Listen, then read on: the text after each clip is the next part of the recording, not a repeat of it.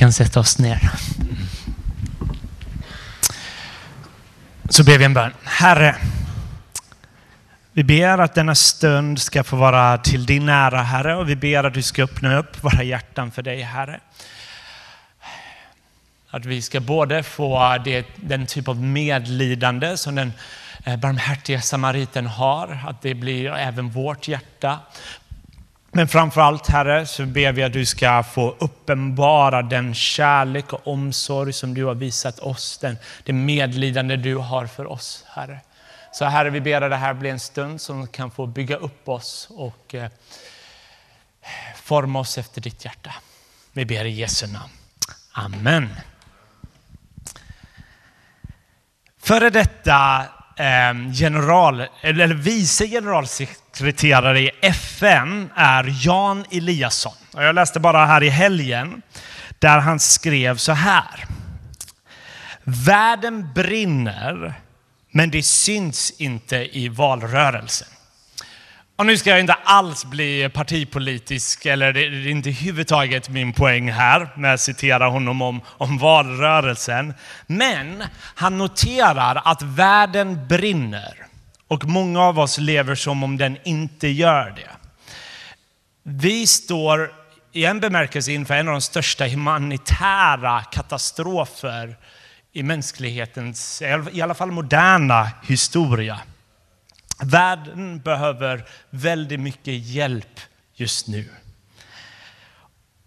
Och därför är det lämpligt denna söndagen, eh, när världen är i kaos och brinner, att vi funderar lite på världens mest briljanta humanitära berättelse som någonsin har berättats av världens mest briljanta berättare, Jesus Kristus, när han berättar om den barmhärtiga samariten. Och den här liknelsen, det är förmodligen kanske Jesus kändaste liknelse. Det är möjligtvis förlorade sonen är lite kändare. Men eh, stora organisationer är döpta efter den här liknelsen. Jag minns till och med när jag såg Marvel-tv-serien Daredevil där den onda Kingpin gör en jättebra bibelutläggning av barmhärtiga samariten i typ sju minuter. Det är faktiskt väldigt bra.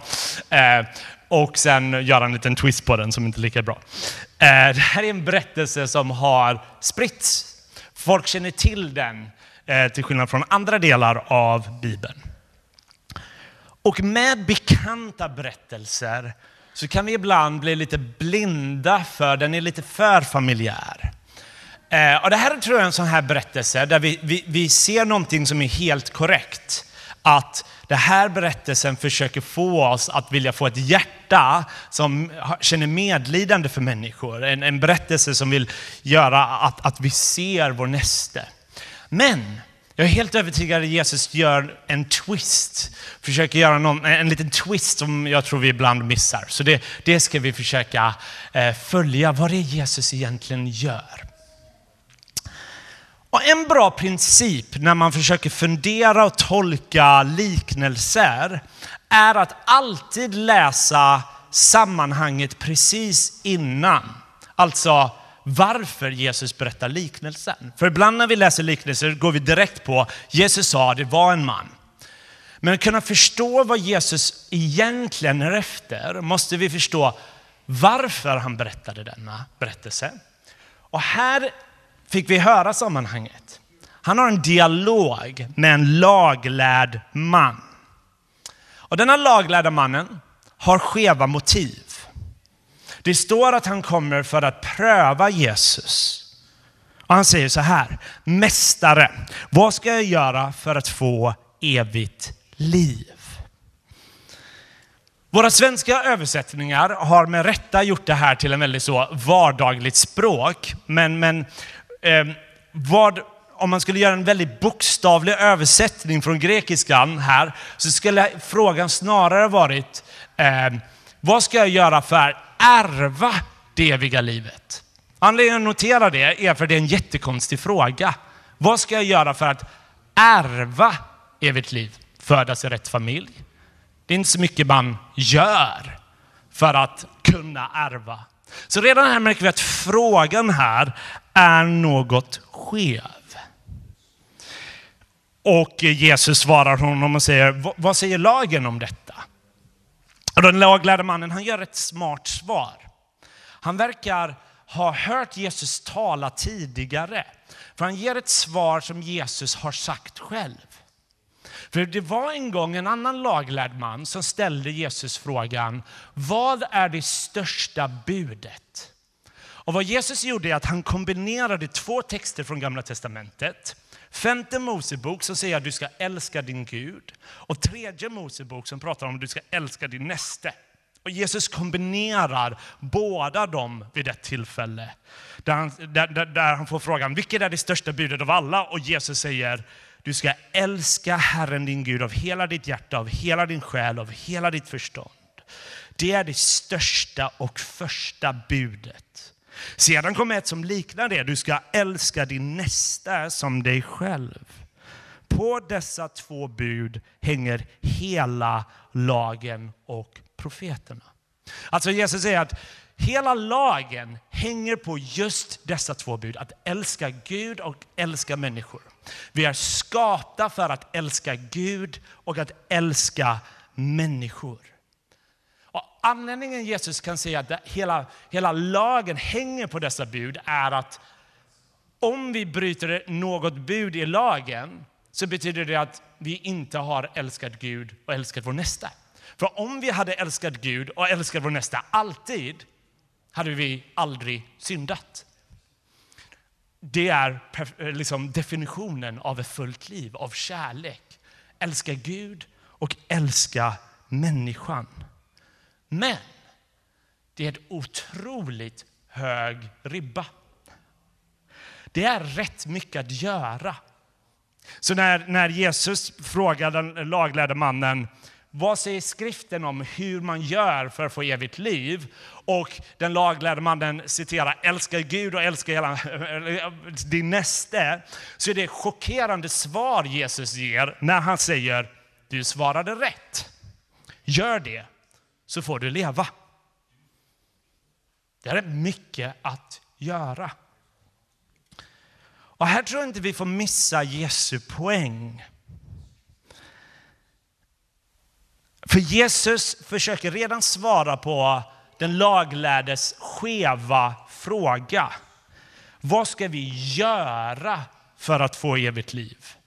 Visst, alla som når upp till en sådan standard behöver inte nåd. De kommer leva. Visst, kör på. Och hela poängen är att han, han lite avslöjat, laglärde mannen, räcker inte till. Han, han lever inte upp till den här standarden. Och det märker han själv, för det står i texten att han försöker rättfärdiga sig själv. Han märker att han håller på att förlora dialogen. Men han vill fortfarande försöka vinna. Så han ställer Jesus en fråga, men, men vem är min nästa? Och, och, Det här var en viktig debatt bland judendomen i den här tiden. För Bibeln säger att du ska älska din nästa, men den ger aldrig rakt ut en definition vem det är. Så eh, man debatterade och, och konsensus var att det var andra judar. Andra tyckte att det var lite för brett, så man sa judar som följer lagen. Så debatterade man, är det alla judar eller är det judar som följer lagen eller är det din släkt som du är kallad till att älska? Så när den laglärde mannen ber Jesus att definiera vem min nästa är så förväntar han sig kanske israeliter eller din familj. Så att han kan säga, jag gör det, jag älskar min familj. Jag älskar de som följer lagen. Men det är inte svaret Jesus ger. För frågan verkar anta att de vi ska älska är en viss grupp bland många. Eftersom det är vem utav alla ska älska. De har redan uteslutit alla i, i frågan. Och det är här Jesus börjar berätta denna briljanta berättelse. Om en man, en judisk man, får vi nog anta, även om det inte står, som går från Jerusalem till Jeriko och ett gäng rövare kommer, slår ner honom, rånar honom, klär av honom, slänger ner dike, halvdöd. Först kommer en präst som säkert har arbetat i templet och lämnar templet. Men det beskrivs väldigt kortfattat att han bara går förbi. Sen kommer en levit och det beskrivs väldigt kortfattat. Man får inte riktigt anledningen varför. Och det är kanske det som är poängen. Han hade en anledning och gick förbi. Och kanske fanns det någon fin religiös anledning, till exempel att eh, man skulle inte röra ett dött lik. Och de kanske inte visste att den här mannen var död. Och om man rörde ett dött lik så blev man rituellt oren, som betyder att man måste gå tillbaka till templet, göra ett offer så man kan bli rituellt ren igen. För här kommer någonting som är rätt tragiskt ibland med religiositet. Att religion, och det här är någonting Jesus utmanar, att religion kan ofta vara i vägen för sann barmhärtighet. Att religion kan hitta anledningar ibland där man inte känner medlidande, där man inte visar barmhärtighet. Och jag vet att kyrkor kan ibland fastna så i att, i att eh, liksom starta olika verksamheter i kyrkan så man aldrig behöver möta folk utanför kyrkan och den nöd som finns i världen. Jag vet till och med missionärer som har fått mejla, ringa, och höra av sig till kyrkor och säga dra ner på era verksamheter för vi behöver folk som möter människorna i världen. Världen brinner. Och sen kristna blir rätt bekväma i sina verksamheter i en viss form av kristen klubb. Och för oss, eller mig och några andra här som jobbar i kyrkan, så är kristna stort sett det enda vi träffar. Och därför vill jag bara säga till er som jobbar med icke-troende människor, se det som sann nåd och en gåva att ni är runt omkring dessa människor. Det är en välsignelse. Det är en gåva att få vara det. Här är människor som ännu inte känner Jesus. Det här är människor vi vill bli vän med och bjuda in i våra liv och dela vad vi har fått ta del av. Men tillbaka till berättelsen. Vid den här tiden så var väldigt många judar väldigt skeptiska till den religiösa eliten. De var skeptiska till prästa, prästerna och de tyckte att de var rätt giriga och så.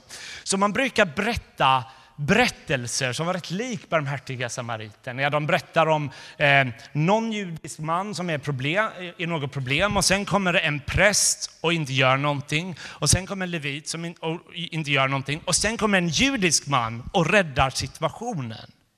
Eh, och det här var nästan en standardberättelse. Lite som att man kan höra en präst, en dansk och Bellman gick in till baren. Det är liksom, man förväntar sig ungefär hur berättelsen ska sluta. Och det är därför Jesus använder samma språk men har helt fel slut. Ett chockerande slut. För det är inte en judisk man som kommer och räddar. Det är en samarisk. Och samarierna, det var halvjudar som levde också i, i, i området. Eh, men, men judar, samarier, fanns det en otrolig spänning mellan. Det fanns ett förakt mellan dessa grupper. Ett, ett hat till och med. Där om man läser antika texter om detta så beskriver de fruktansvärda saker om varandra. Om man rörde varandra var man oren. Så, eh, så eh, samarierna, de var halvjudar som trodde på de första fem böckerna i Gamla Testamentet. De förkastade det judiska templet och allt som hade med templet att göra. Utan de tillbad istället på ett berg som hette Gerizim och det var liksom deras ställe. Medan judarna hängde vid templet. Och så fanns det då det här föraktet mellan dessa grupper. Och det är väldigt svårt att försöka ens komma på ett exempel i Sverige som skulle kunna jämföras. Det är lättare att komma eh, på liksom situationer i andra länder som Rwanda har haft med tutsier och hutuer. Eh, eller israeliter och palestiner. Den typ av spänning. Ehm, det finns en teolog som heter Kenneth Bailey som bodde i 30 år i Mellanöstern. Och han sa att han vågade aldrig återberätta den goda samariten till palestinier och göra en jude till en hjälte. Han vågade aldrig det. Det var för spänt. Och det är den typ av spänning som finns här. Det närmaste jag kommer på är nästan politiskt, en SD-are och en vänster eller fi eller någonting. Så där, där jag upplever att här finns förakt bland människor, tragiskt nog, i vårt land. Men chocken är då att det är en samarisk man som kommer. Och det står så här i vers 33. Men en samarier som var på resa kom och fick se honom ligga där. Han fylldes av medlidande. Så när de som tjänar Gud i sin tjänst bara gick förbi så känner denna mannen medlidande för mannen i diket. Så det beskrivs hur han hoppar ner i diket, han häller olja och vin på såret, han lyfter upp honom på åsnan. Och vi får nog förvänta oss en rätt så blodig scen, för om han är blodig och han ska kasta upp honom, då blir nog förmodligen han själv blodig. Och det betyder att den samariska mannen sätter sig i en otrolig risk. För om han rider på sin åsna med en blodig jude, då kommer inte de andra judarna tänka, han håller på att rädda den juden. Tvärtom. Det är som en indian som rider med en cowboy med tre pilar i. Man tänker, han har dödat honom. Så bara försöka rädda honom sätter sig själv i risk. Men han skiter i det, för han känner medlidande för denna mannen. Så han tar honom till närmsta staden, eh, till vårdhu- eh, eller värdhuset och säger sköt om honom. Och kostar det mer ska jag betala dig på återvägen. Och han ger pengar. Och detta är också en väldigt viktig grej, för om de hjälper denna mannen och han inte kan betala själv, då får de sälja honom i slaveri. Men den samariska mannen garanterar att han kommer betala. Så han räddar den judiska mannen både från döden och från slaveri. Och det är ljuset av hela den här berättelsen som eh, Jesus ställer frågan tillbaka om ehm, eh, vilken av liksom, eh, dessa tre män var den överfallne mannens nästa.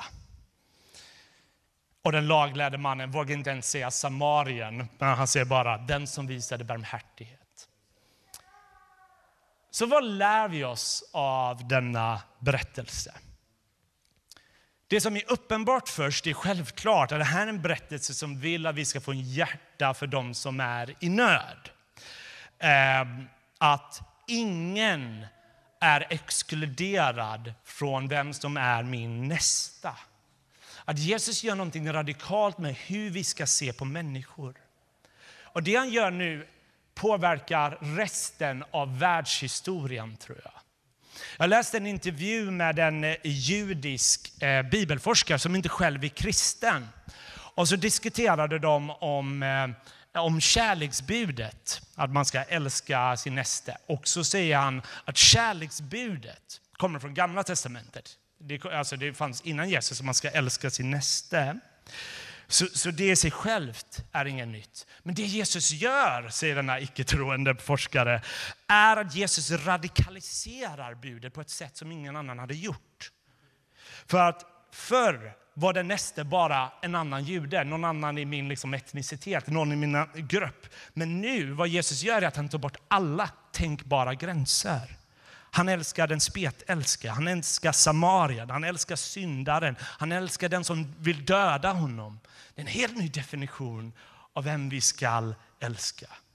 Så det första som denna texten borde göra är att vi vill be Gud att han ska väcka medlidande i våra hjärtan.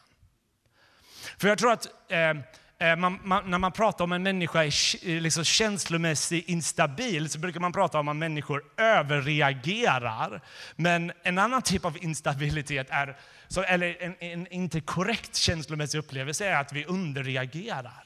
Att vi inte känner medlidande för de som är i nöd. Som är just vad Gud har. Och om vi går så lätt förbi människor nöd utan medlidande borde vi be Herre, väck det här hjärtat i oss. Gör det i oss. Så det är första grejen. Men sen, den andra grejen som jag tror Jesu twist i berättelsen är att han utmanar stolthet. För vad man förväntar sig är att Jesus ska ställa frågan, eh, svar, eh, eller Jesus svarar på frågan, vem är min nästa? Men lyssna på hur han i slutet svarar på frågan, eller med en motfråga. Vem av dessa tre tycker du var mannen som råkade ut för rövarnas nästa? Man förväntar sig att man ska utgå från personen som går och hjälper och funderar på vem är min nästa? Men Jesus ställer frågan utifrån mannen i dikets perspektiv. Och här tror jag Jesus gör något briljant. För vad man hade förväntat sig att Jesus gör är att han gör en berättelse om en judisk man som ser en samarisk man i diket och han går och räddar till och med den samariska mannen. Wow, vad godhjärtad han är. Men om Jesus hade gjort det så hade den eh, liksom, laglärda mannen kunnat avfärda Jesus mycket lättare och Jesus hade inte raserat några barriärer. För samarierna är fortfarande de här äckliga som är i diket. Och jag är fortfarande den här överlägsna positionen som kan hjälpa den här personen i den här underlägsna positionen. Men vad Jesus gör är att vänder situationen och får laglärda mannen att tänka sig, du mannen i diket. Och försöker fundera på hur ser han på Samarien som sin räddare snarare än den han skall rädda?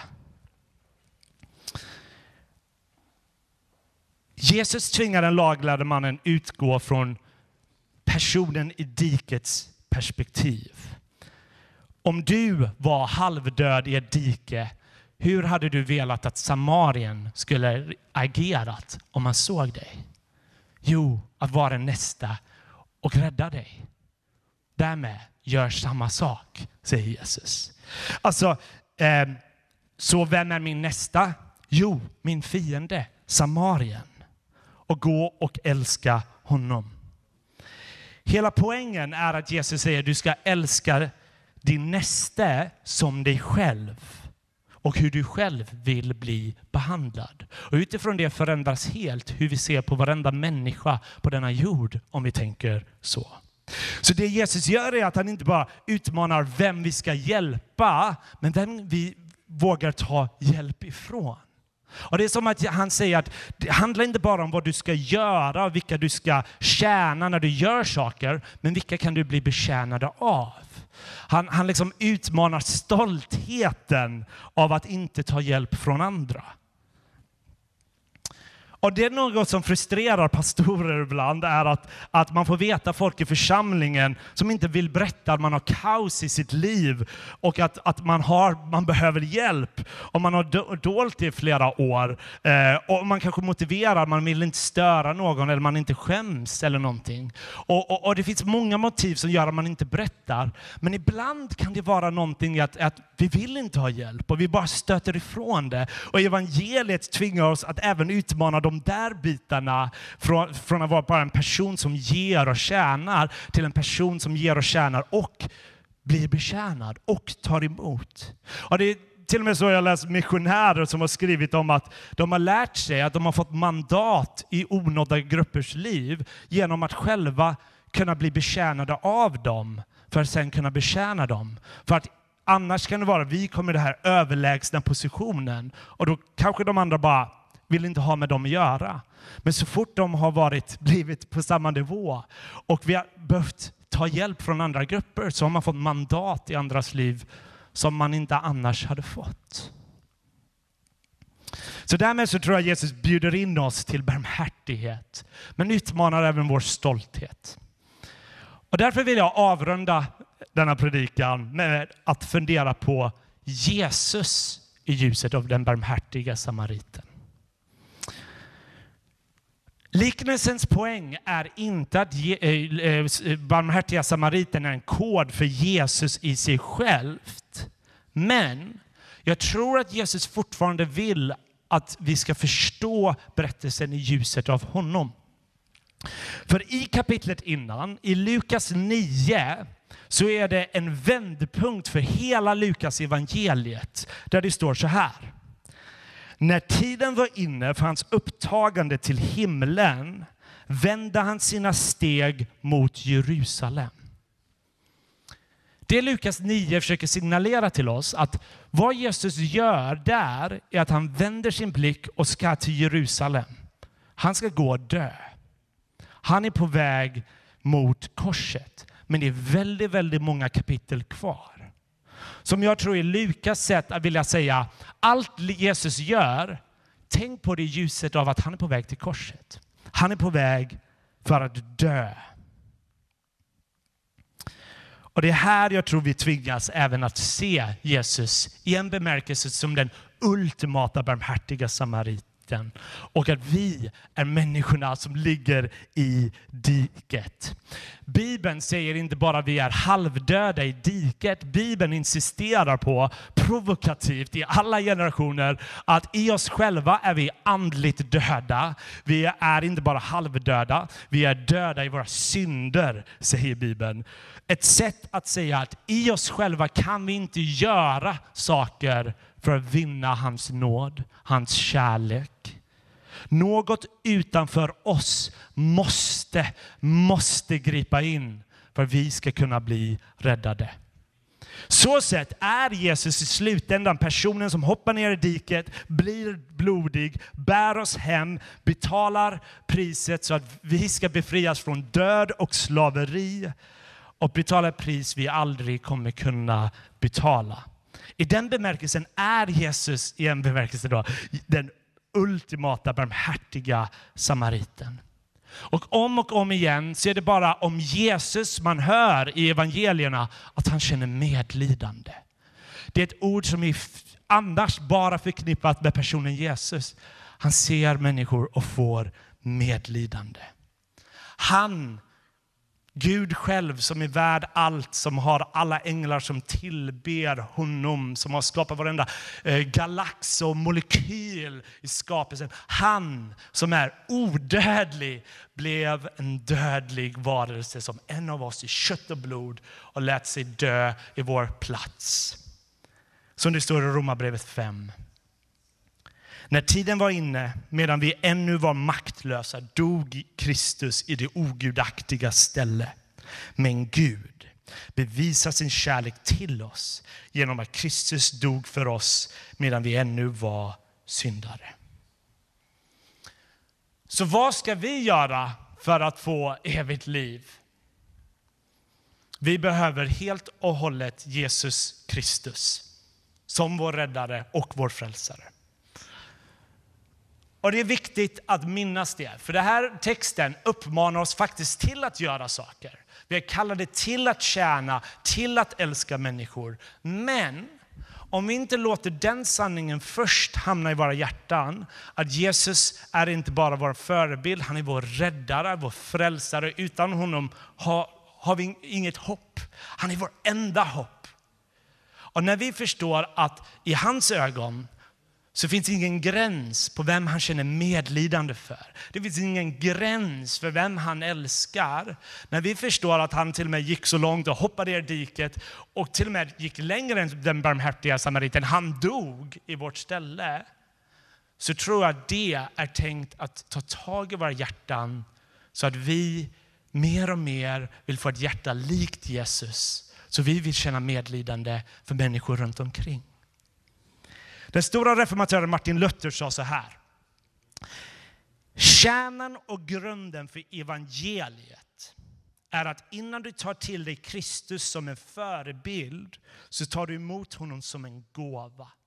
Som en gåva som Gud har gett dig och som tillhör dig.